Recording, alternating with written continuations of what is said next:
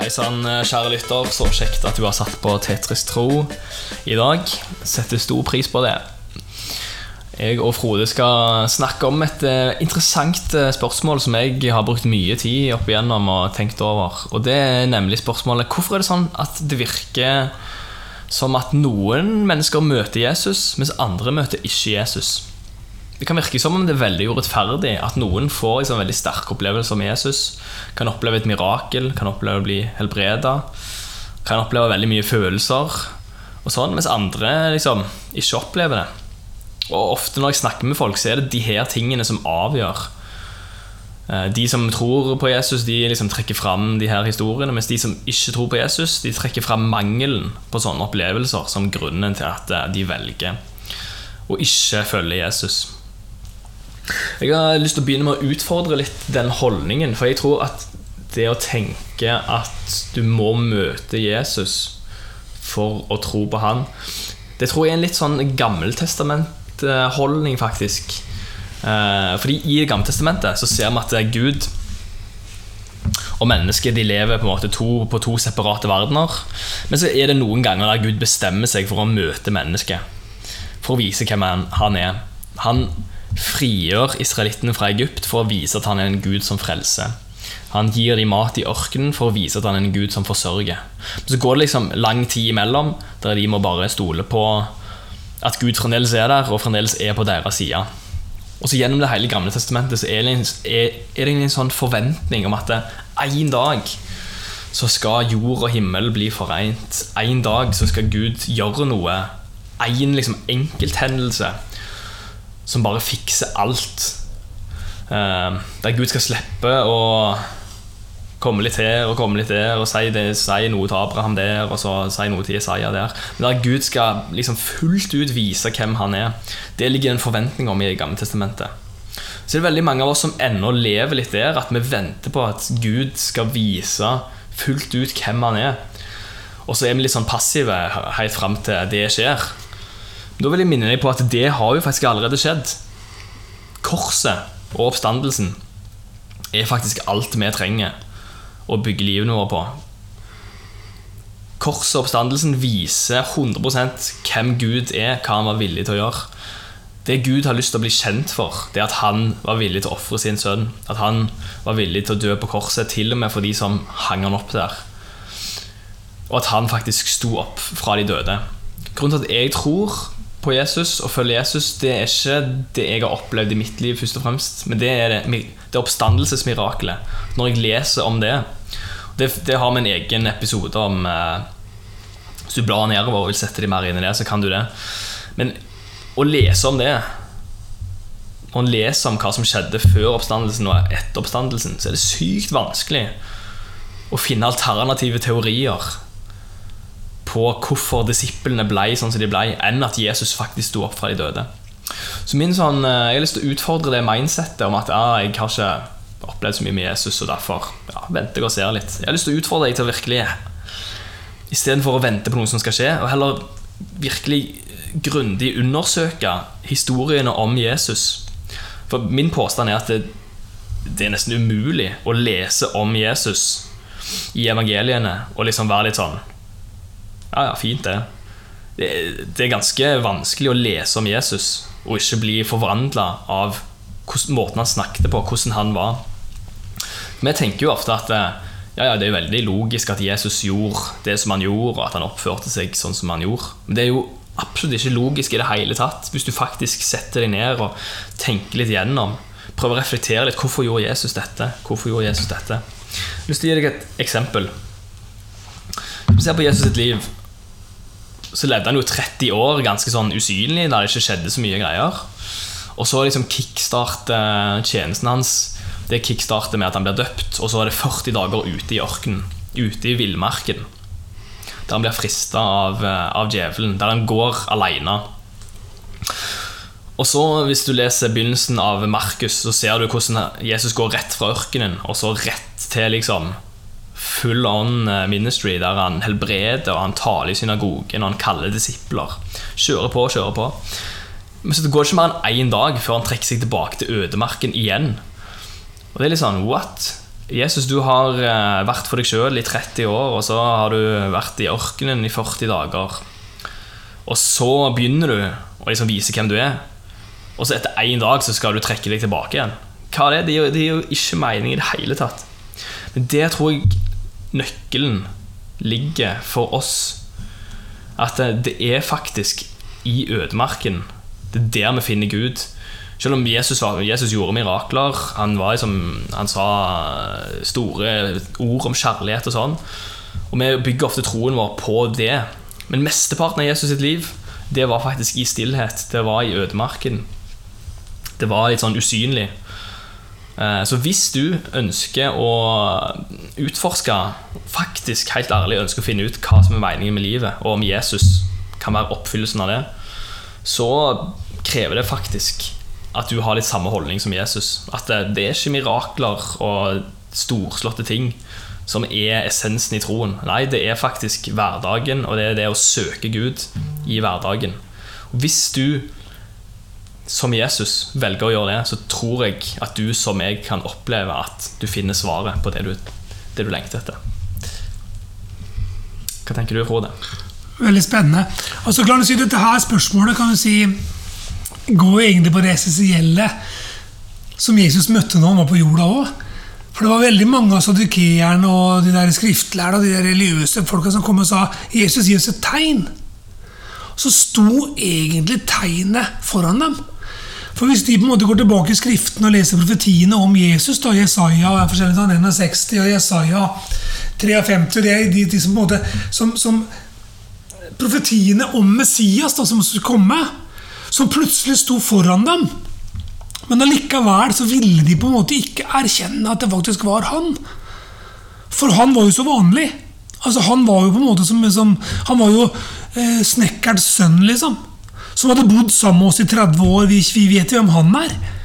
Men allikevel så var det jo han han reiste seg opp i tempelet i Lukas 4, 18, liksom at Herrens ånd er over meg. Han leste før jeg sa 61, og så viser han dem egentlig at det er han. da. Men allikevel så spør de gang på gang gi oss et tegn. Og vet du, Der har du den der forblindelsen som egentlig er kommet. da. At bare vi skal få se det, så skal vi på en måte tro det. Mens kristenliv og kristenopplegg dreier seg om noe helt annet. Det er basert på tro. da. Og så står det her i eh, Hebreerne 11, og vers 1, så står det Men tro er full visshet om det en håper. Overbevisning om ting en ikke ser. Det vil si at du kan si full visshet om det en håper. Det vil si at du kan si at da er det, ingen, det er ingen tvil i det. Altså Det er full visshet. Og så er det en overbevisning da, om at om ting en ikke ser. Altså Det er noe på en måte som blir, det blir for stort for vår tankegang å tenke på. da, At Jesus, ja eh, Du må på en måte tro det med hjertet ditt. Du må på en måte tro det med det indre. da, og så må det bli en sånn relasjon som du bygger på en måte i det indre, som er helt overnaturlig. Det går på noe som er helt annet, og du må bare erkjenne at Bibelen er sant. da. At korset har skjedd, og at Jesus faktisk har dødd og stått opp igjen for våre synders skyld. da. For å betale den prisen en gang for alle, for å åpne veien til Gud. da. Og jeg tror det er det som på en måte er problemet kan du si, når man får det spørsmålet der. at det, Hvorfor møter noen Jesus? Den lille misunnelsen. For noen ser jo Jesus rent altså, Man får jo drømmer og visjoner og sånne. Man har jo på en måte møtt Jesus. Jeg leser jo om folk, muslimer spesielt, som får sånne reelle møter med Jesus, der de ser Jesus, liksom.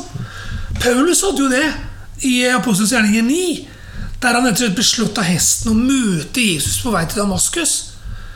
Men det er ikke veldig mange sånne opplevelser du leser om. Det er noen, da som opplever sånne fysiske møter med Jesus, liksom. Og det kan jeg si Det er jo kjempesterkt. Men det er jo ikke det troen er. Troen er jo å tro på det som vi faktisk har lest om. Det du faktisk har fått forkynt. da. For troen kommer av forkynnelsen, og forkynnelsen kommer av Guds ord. står det. Og kan du si, Hvis du går i en kristen forsamling eller kristen ungdomsgjeng, eller har du kristne venner som forteller om Jesus, da, så er det det som skaper en tro i ditt hjerte. For jeg tror det er sånn jeg vet at vi er skapt av Gud, ikke sant?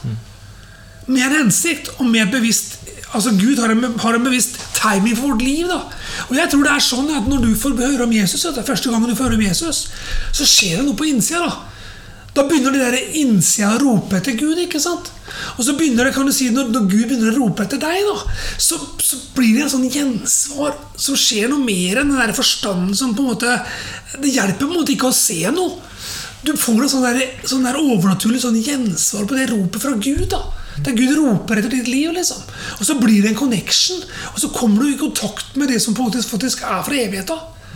Står det i, i, i, Forkynneren 3 og 11 står det at evigheten er nedlagt i hvert eneste menneskes hjerte.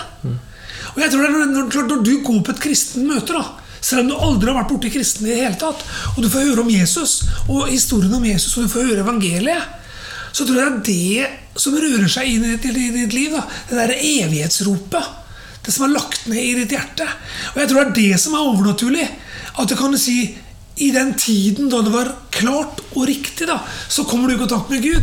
Og så blir det sånn Noen trenger kanskje et større møte med Gud da, fordi at du skal ha en større hensikt òg. Altså, noen, sånn som Paulus, for eksempel. Altså, han betalte en pris òg. Fra å være en veldig religiøs, dyktig kar til å bli en som på en måte snurt 180 grader rundt. da og å betale prisen også med sitt liv ikke sant, for å tro på Jesus. Så jeg tror ikke vi skal søke etter de der åpenbaringene i utgangspunktet. For jeg tror at du kan si, Får du en kjempeåpenbaring, så får du også et kjempeansvar. Mm. Og jeg tror kan du si prisen å betale med ditt liv. Da kan du si, Jesus ber deg bønnen for oss i Johannes 17.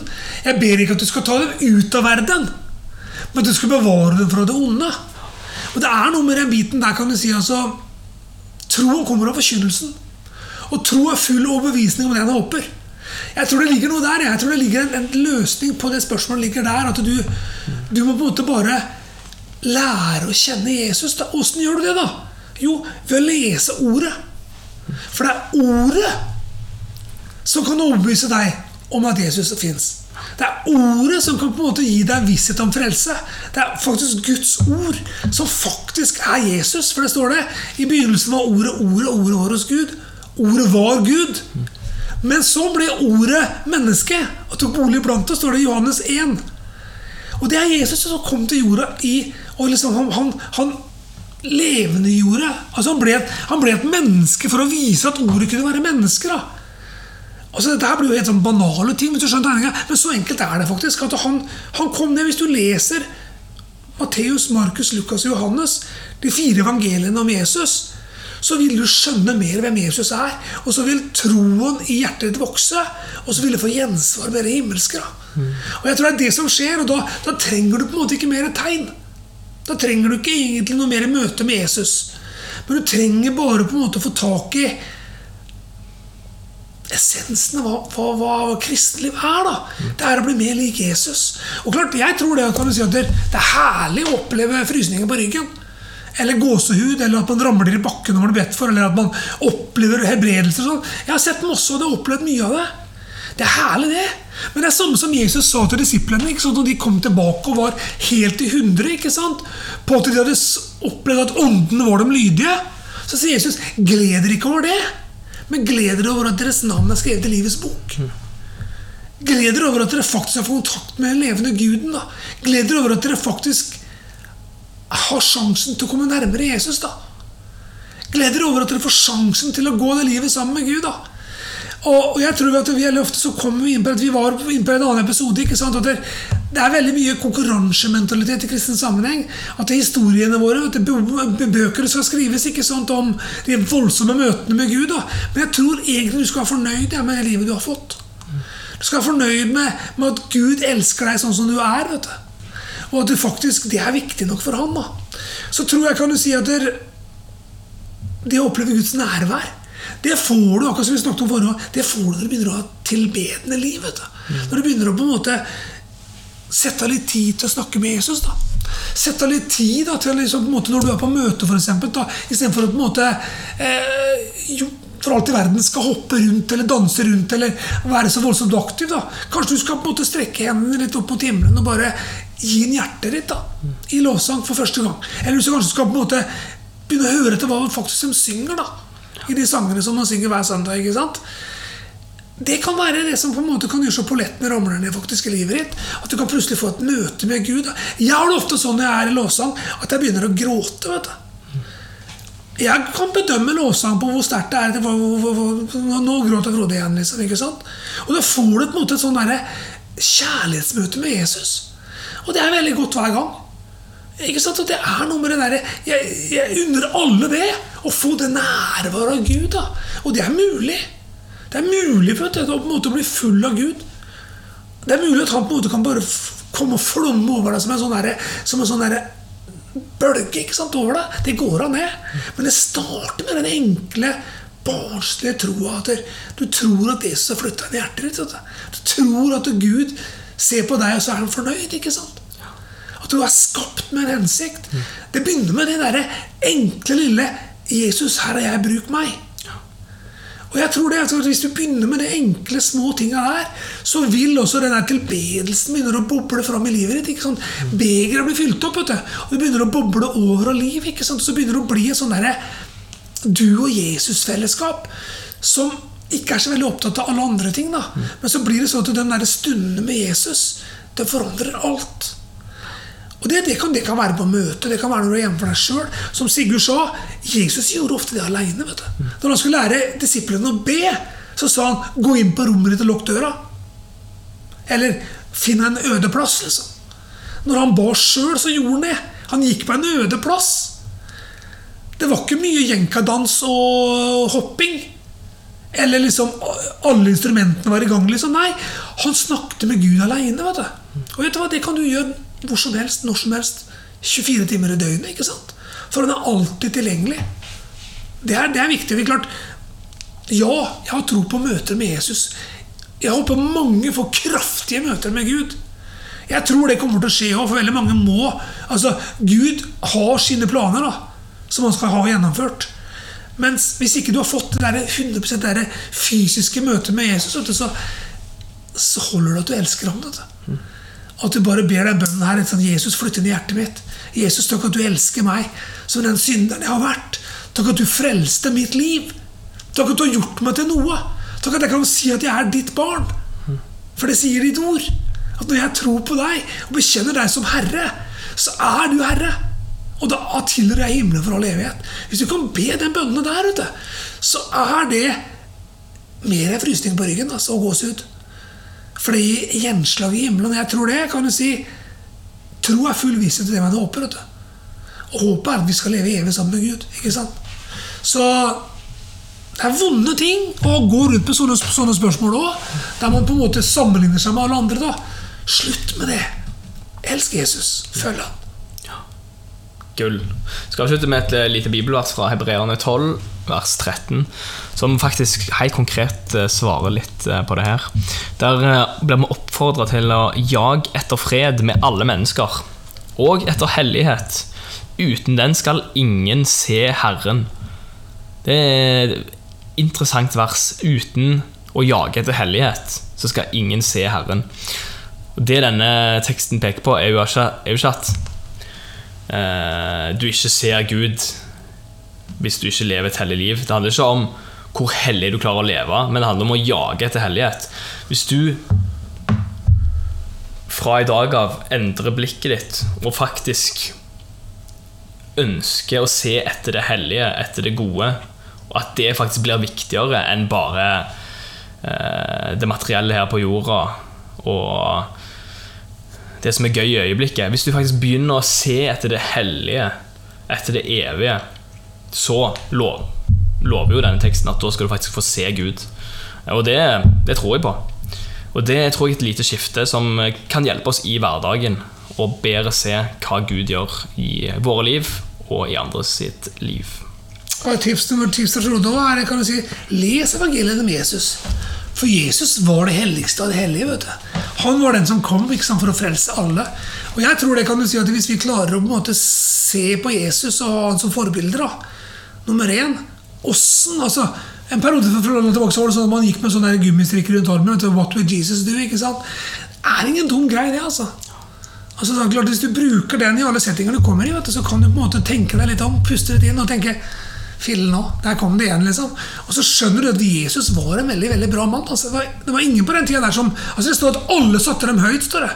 Alle ble ikke kristne, alle fulgte ikke etter, men alle satte Jesus og disiplene høyt. På en eller annen måte unntatt de religiøse, da. De som på en måte var ekstremt flinke på seg sjøl. Mens alle andre satte dem høyt. Så følg eksempelet der. Jesus han, har, eh, han er menneskeliggjort den helligheten som du trenger å lete etter. Og det er skrevet ned. Matteus, Markus, Lukas og Johannes. Det er mitt tips. Gull. Lykke til. Masse lykke til, og takk for eh, spørsmål, og takk for at du hører på Tetris Tro. Snakkes.